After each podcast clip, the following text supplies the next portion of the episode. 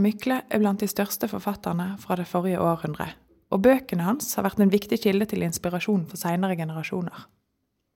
En av grunnene til at han er så kjent, er at romanen 'Sangen om den røde rubin', som handler om tiden når han studerte ved Handelshøyskolen, utløste norgeshistoriens største litterære rettssak. Usedelighetssaken mot Mykle er en av etterkrigstidens viktigste kulturelle hendelser.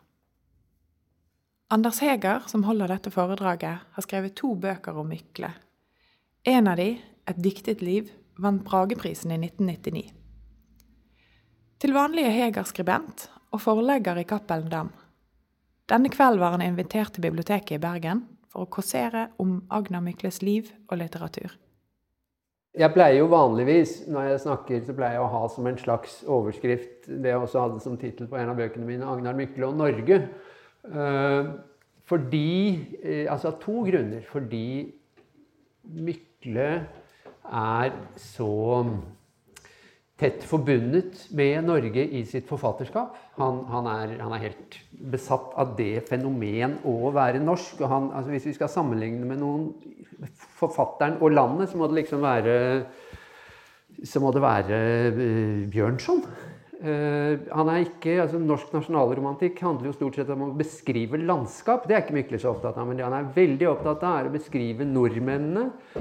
Og først og fremst hvordan han selv opplever det å være norsk. Han sier et sted, riktignok i det upubliserte uh, Det beste som kan skje en forfatter, er for det første å være norsk, og for det annet å hete Agnar Mykle. Og det mener han. Eh, det er, det er ikke ironisk når han, når han, sier noe sånt.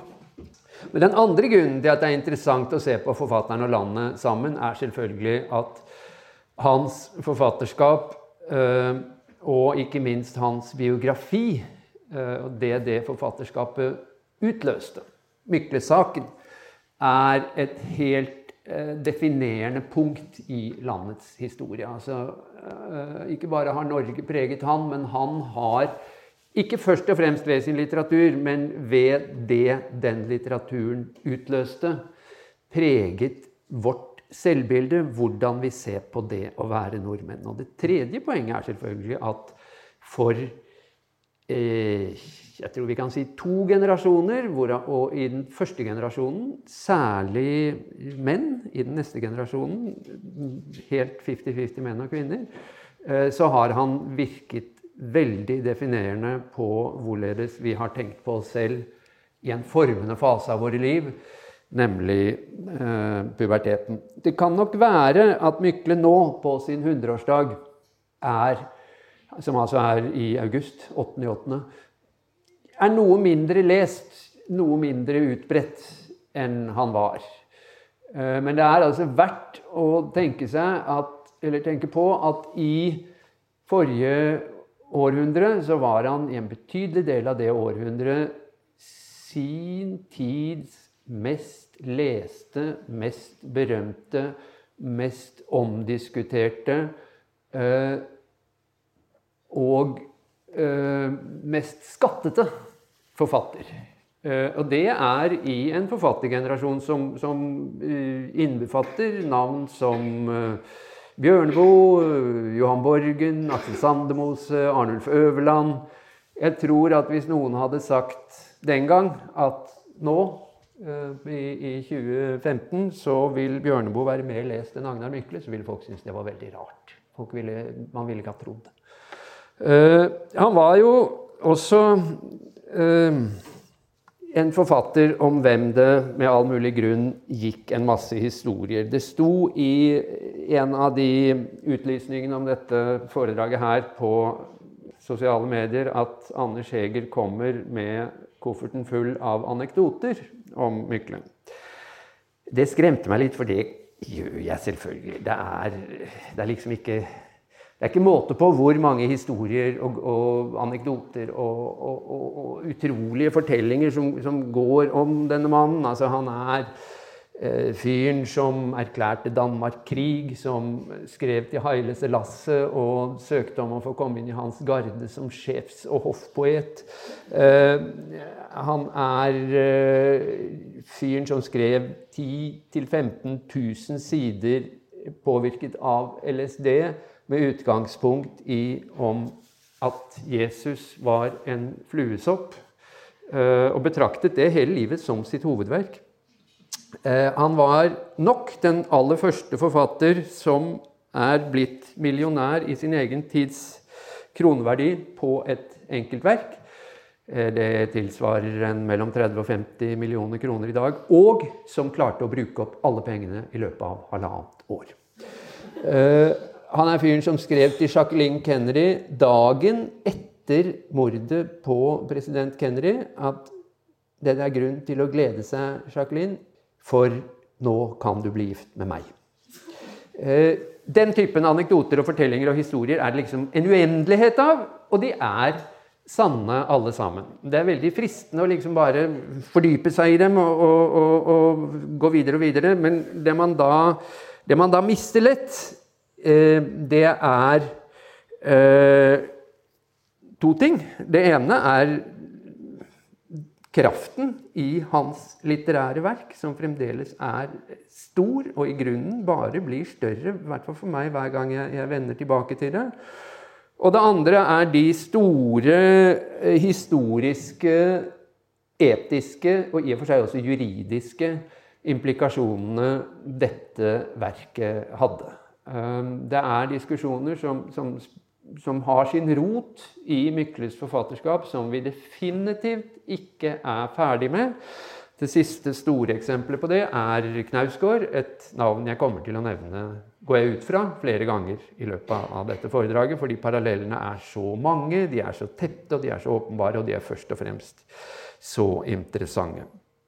Men altså Når jeg sier at han er definerende for hva slags land vi er, så må vi gå til Mykles peak point som forfatter. Fordi hans biografi inneholder uh, enorme uh, fjelltopper og veldig dype daler. Det er liksom en, det er en utrolig suksesshistorie om, om, en forfatter som blir oversatt til japansk, kom på forsida av, av, Publishers Weekly i, i, USA, skattet i England som en fyr på linje med James Joyce i en periode, og som i halvparten av sitt liv er fullstendig ensom, glemt, eh, konkurs, oversett.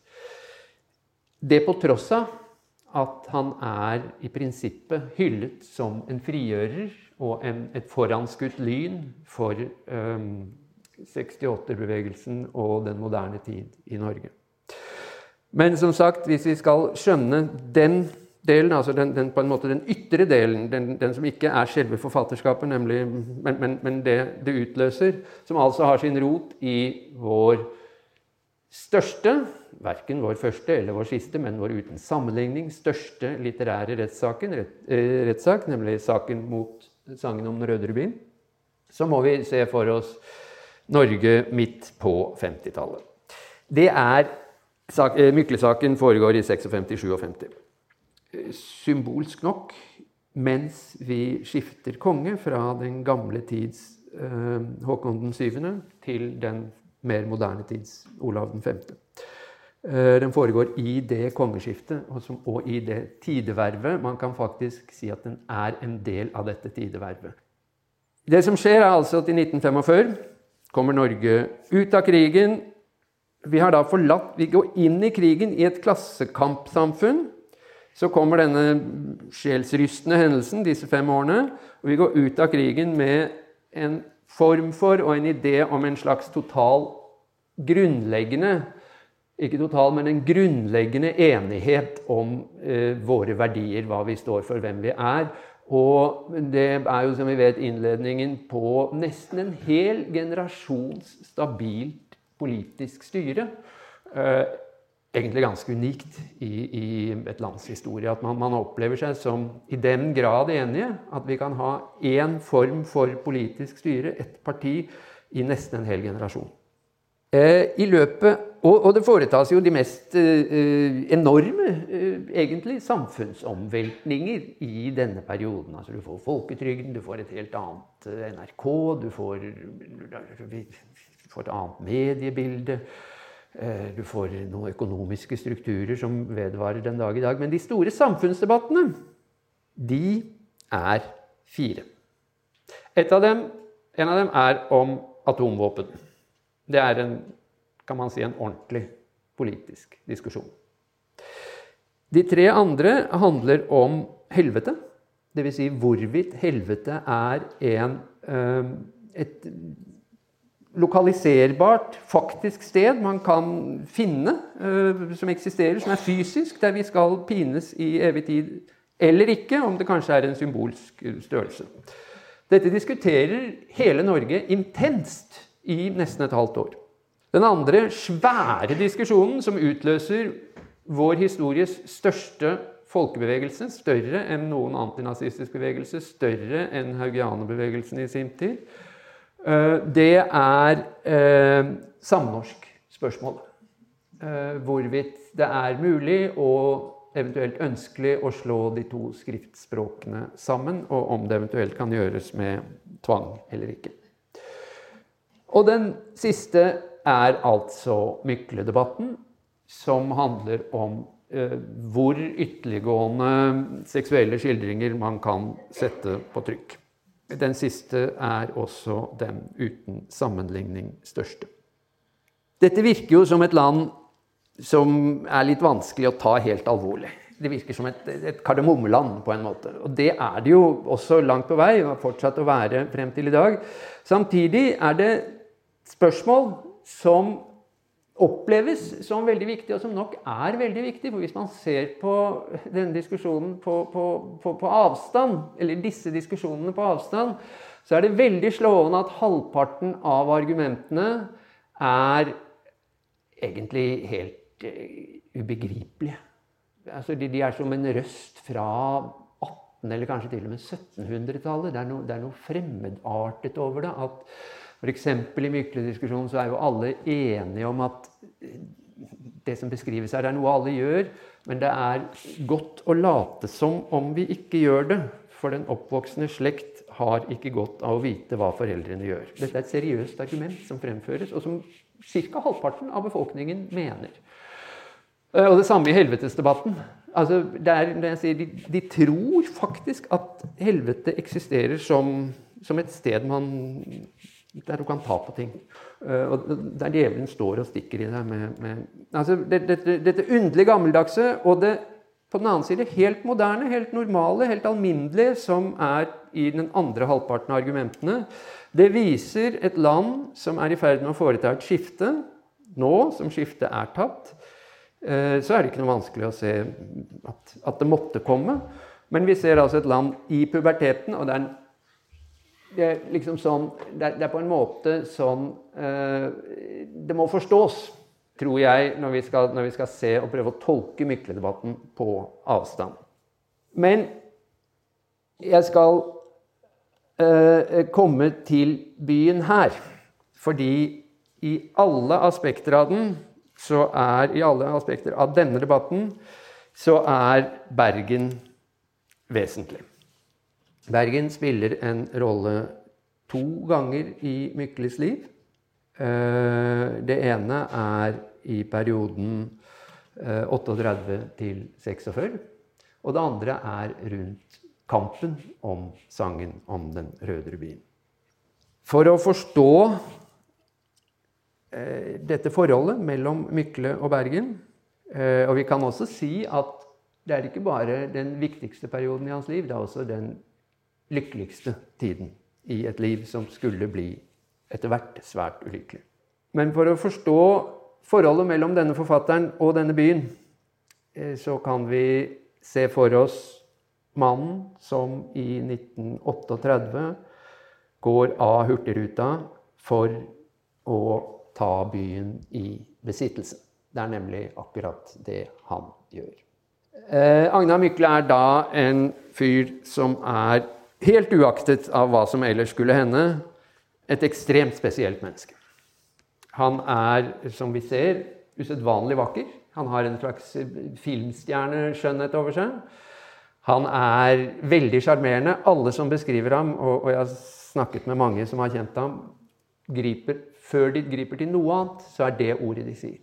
eh, han, han, vært, han, han, er en mann som har vært i stand til å ta så å si hvem som helst han har truffet med, med storm. Eh, han er ekstremt skoleflink. Eh, han snakker tre språk flytende, i den forstand at hvis han snakker fransk, så tror folk at han er fransk, og han har aldri vært utenfor landets grenser. Han er en meget habil eh, kunstner og tegner. Og han er musiker i den forstand at han, hvis han ikke hadde bestemt seg for å bli forfatter, meget vel kunne ha levd av å være musiker.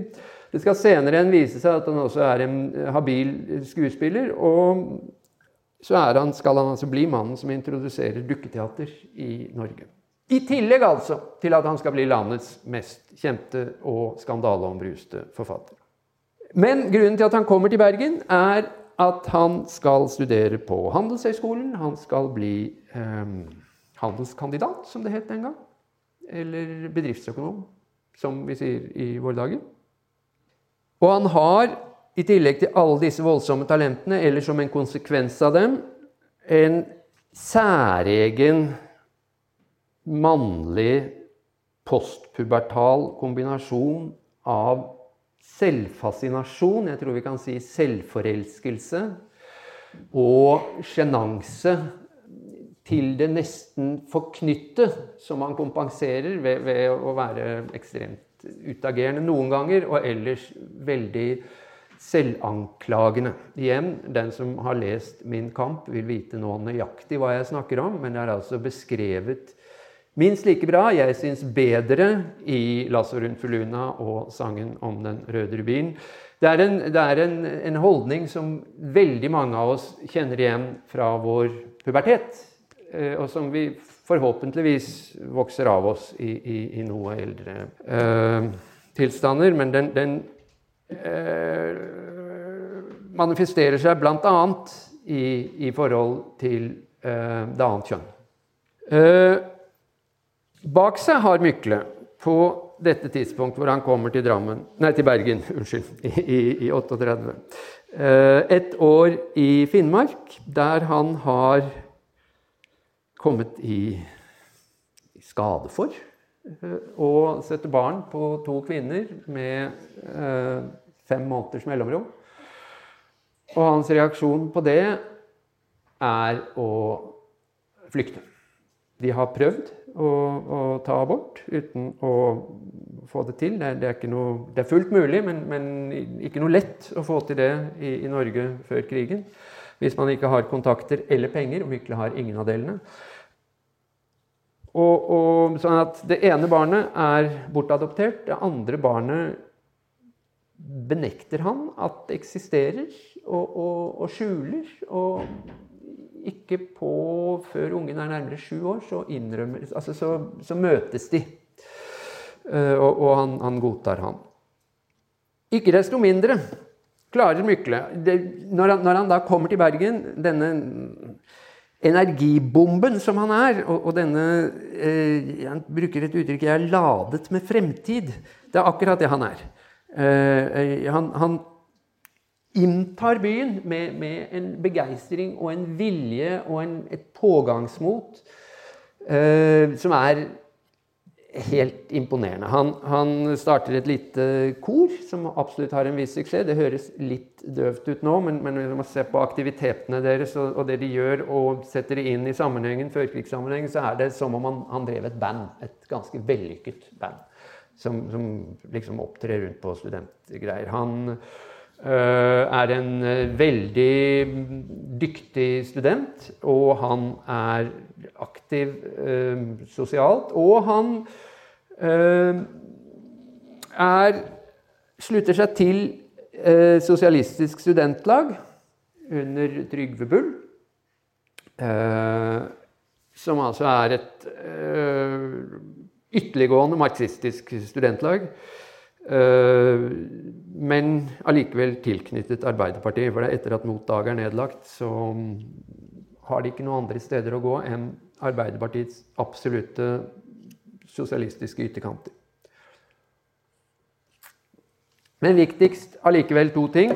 Han finner her stoff til det som skal bli hans mest berømte Mange vil si ikke hans beste, men hans mest berømte bok. Og Han treffer det som etter litt klabb og blabb og skuddemudder eh, skal bli hans kone, nemlig Akseliane Zetlitz Kielland Holm.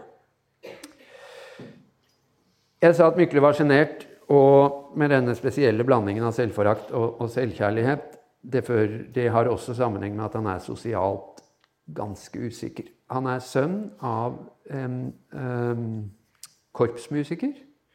Uh, men han er av fiskeslekt fra Sunnmøre. Han um, uh, treffer altså henne, forelsker seg øyeblikkelig. Hun tilhører byens absolutte øverste borgerskap. Uh, hun er i tillegg sosialt veldig trygg der han er usikker. Uh, hun er kunstner, designer sine egne klær. Uh, ja, liksom kjenner alle. Og hun skal forløse han litterært. Og viktigere, hun skal holde ham oppe litterært gjennom hele det løpet han skal gå inn i.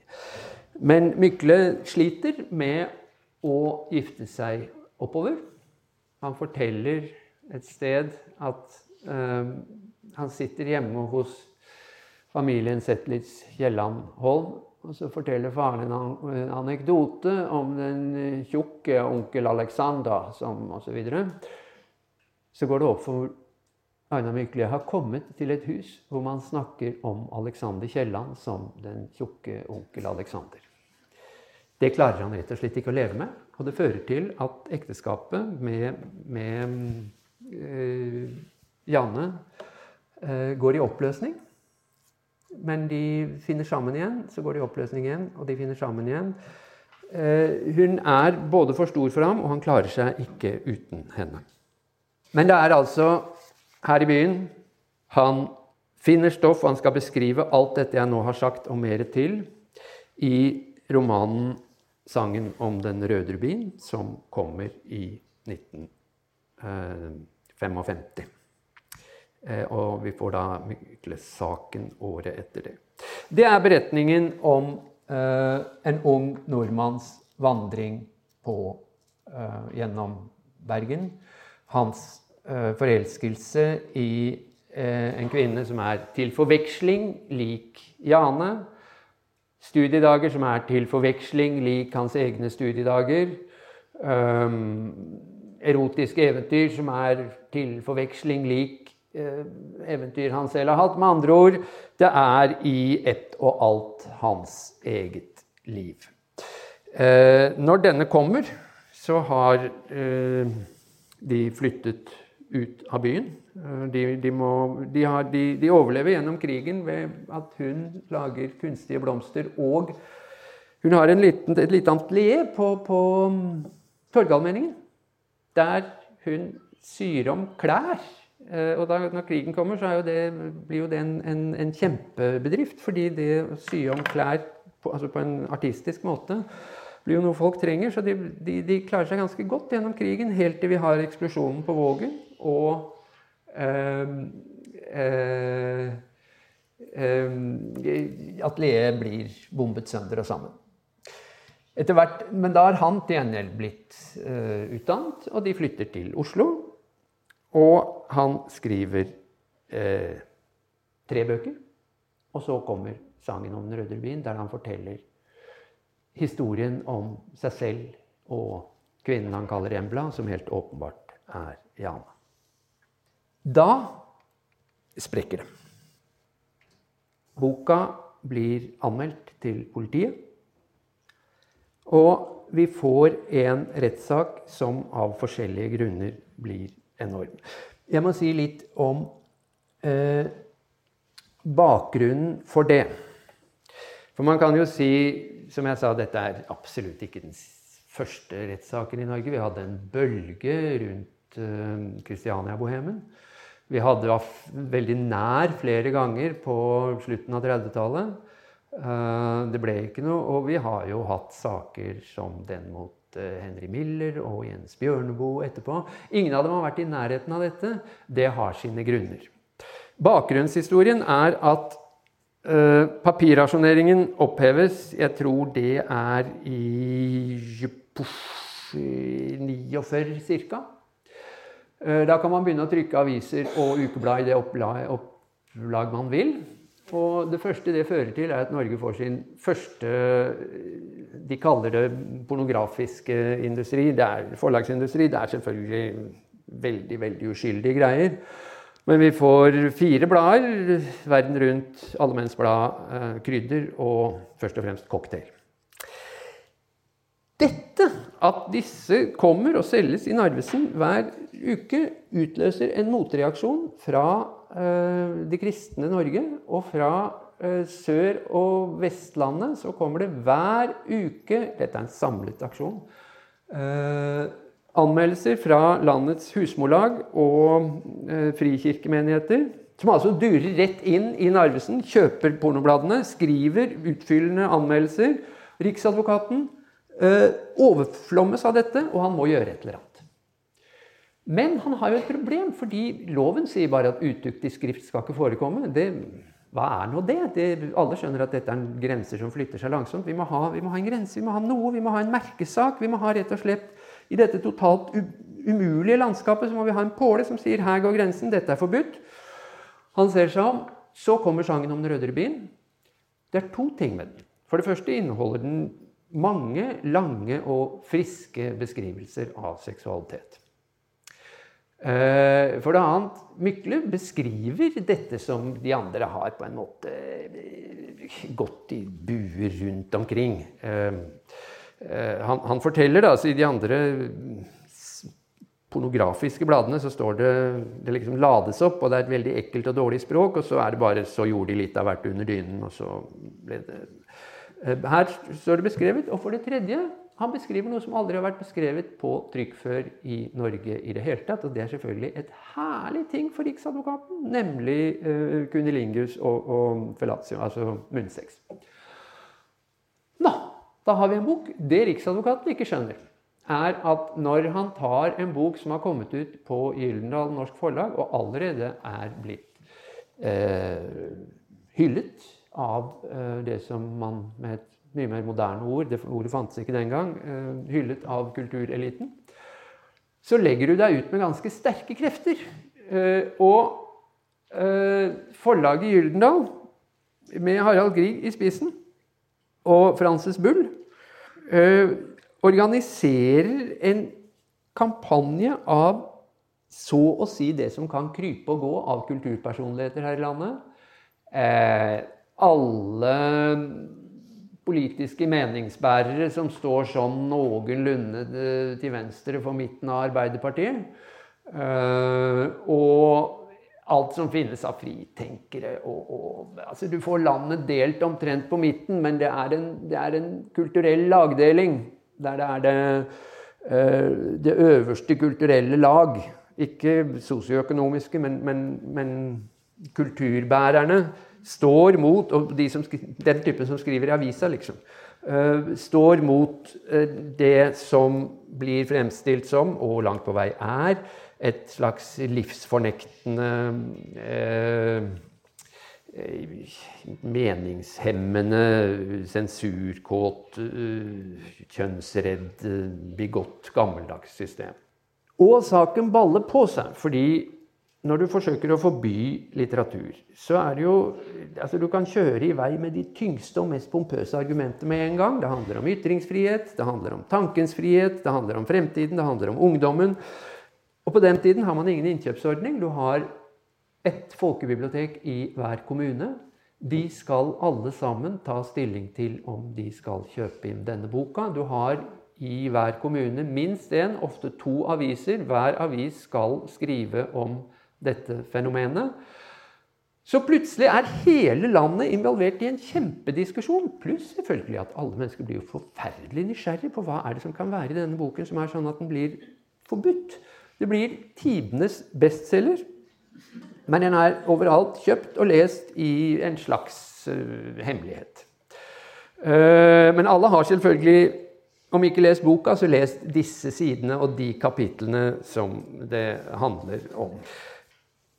Men det er selvfølgelig bare de ytre grunner til at historien blir så, blir så diger. De indre grunner ligger i tekstens egen sprengkraft.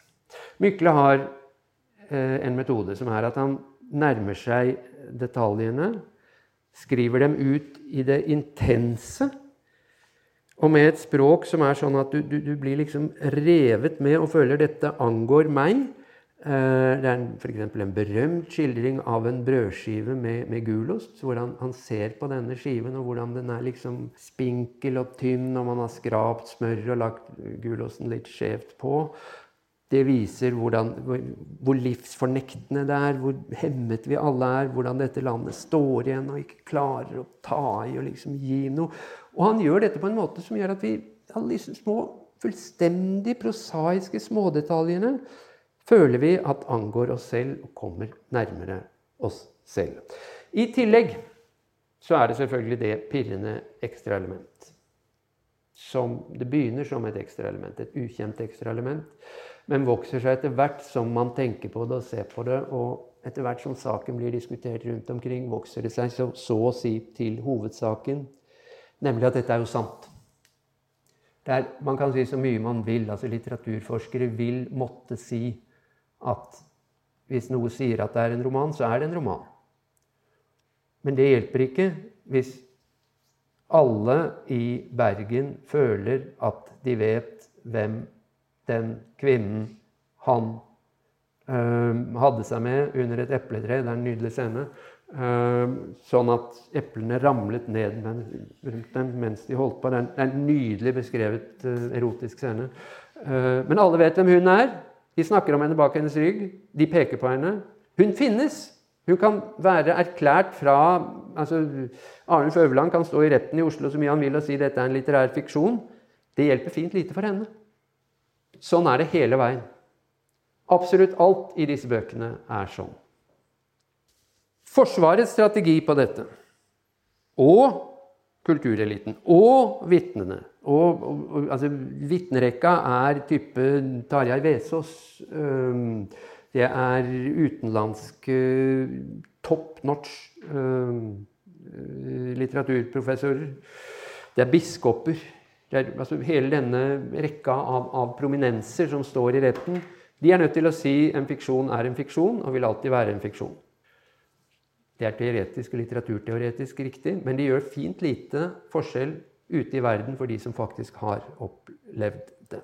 Det er grunn til å spørre seg hva dette gjorde med vår forståelse av Mykle-saken. Fordi det fører da Riktignok blir Mykle dømt i den lavere Eller boka blir dømt i en lavere rettsinstans.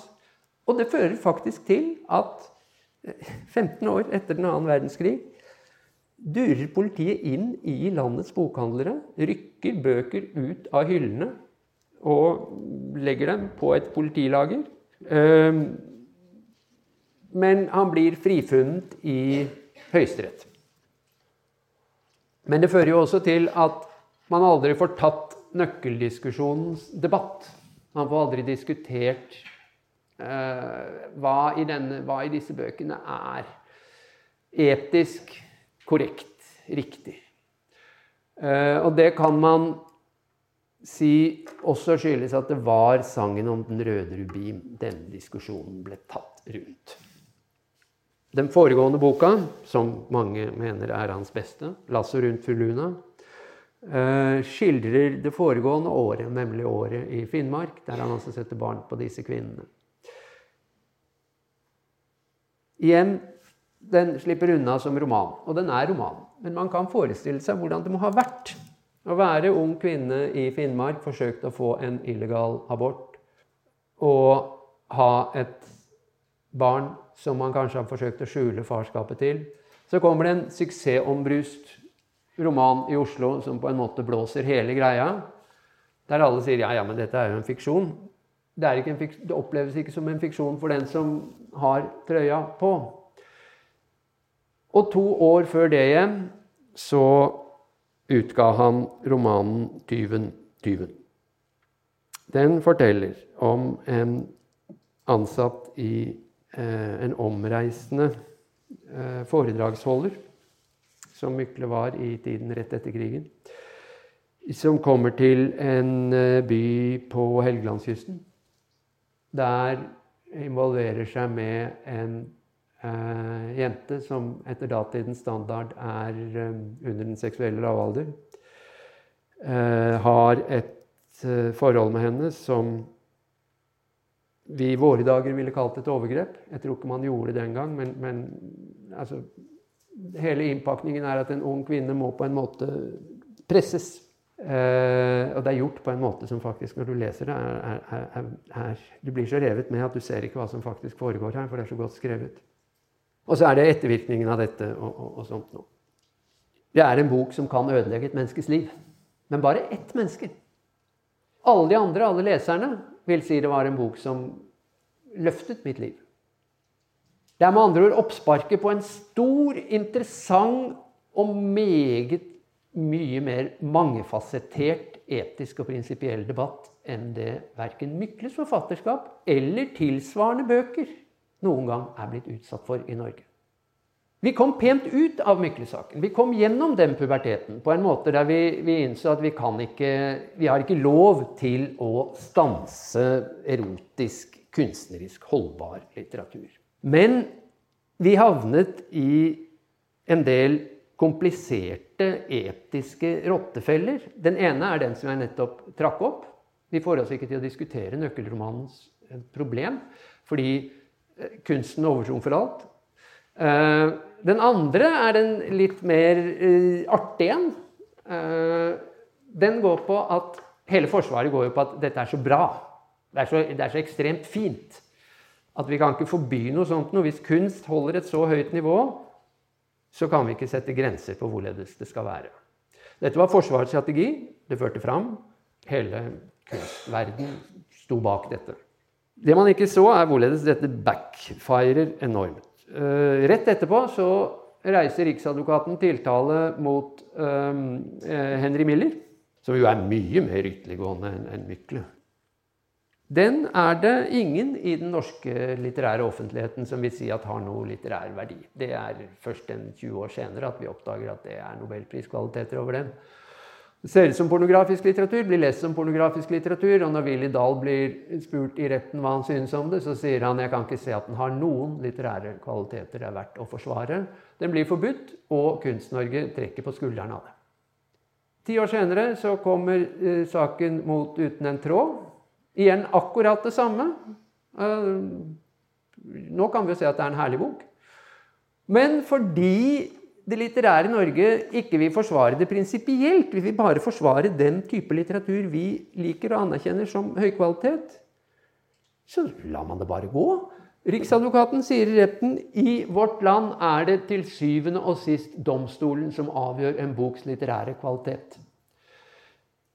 Kunst-Norge ler av den uh, slutningen, men det er de selv som har lagt opp til den og bedt om den, og de har fått det de fortjener. Den dag i dag har vi ikke helt kommet ut av den floken heller. Kommer, hver gang vi kommer til en vanskelig bok, etisk eller prinsipielt, så kjører vi fram den litterære kvaliteten fordi vi ikke har andre standarder, og ikke ser at det selvfølgelig må ligge de samme parametrene til bånn der. Det meste av det som sies om Mykle andre steder jeg har, jeg har lagt vekten på nå, opp til og med rettssaken, er jo hvorledes det gikk hvor gikk det sen? Fordi alle vet, i hvert fall alle i min generasjon, vet at det gikk jo så riktig galt etterpå. Mekanikken i rettssaken var at man måtte løfte dette opp, som jeg sa. Man måtte si at dette var svær litteratur. Eh, eh, Øverland sammenlignet Mykle med Bruno, som ble brent på bål for frihetens sak med Sokrates som måtte tømme giftsbegeret, og med Jesus Kristus som ble hengt på korset. Eh, andre sammenlignet hans fortellerstil med Homer, eh, James Joyce, som jeg nevnte, og, og flere andre. Og bøkene solgte som hakka møkk. Han ble invitert til Japan for å snakke om sitt forfatterskap. Eh, USA oversatt så å si til alle lesende land i, i verden. Han ble løftet frem som det store håp for uh, Norge, norsk litteratur og friheten uh, og fremtiden. det er veldig mye å si om hvorledes det gikk, men det, i én setning så er den setningen han knelet under sin egen berømmelse. Han klarte ikke å bære den. Han hadde et strålende år eh, der han på en måte reiste rundt, forelsket seg i stadig nye mennesker, tok dem med, bodde på topphoteller, kjøpte hus. Han kjøpte tre hus, to biler. Eh, holdt på. Men teksten var tatt fra ham. Han hadde sagt så mange ganger at dette er ikke selvbiografi, at han kunne ikke fortsette å skrive sin egen selvbiografi. Han fikk til én bok. Det, var kort, det lot seg skildre fordi den skildret hans korte, korte utenlandsopphold, uh, nemlig Rubicon. Bortsett fra det så Som jeg sa I løpet av fem år var han øh, ruinert gift og skilt nok en gang i et tragisk ekteskap. Um, tilbake hos Jane, men nå som hybelboer. Og der blir han boende i Asker hos henne resten av livet. Jeg stopper der. Uh, det er mye å si om den siste livsfasen. Den er meget fascinerende. Men jeg kan anbefale dere å lese denne boka her uh, for videre studier. Den er veldig god. Jeg har skrevet den selv. Eh, men den, her finner dere også alle anekdotene og alle de festlige historiene som jeg nå dessverre snøyt dere for. Ok, da kan dere klappe. Jeg ser på deg.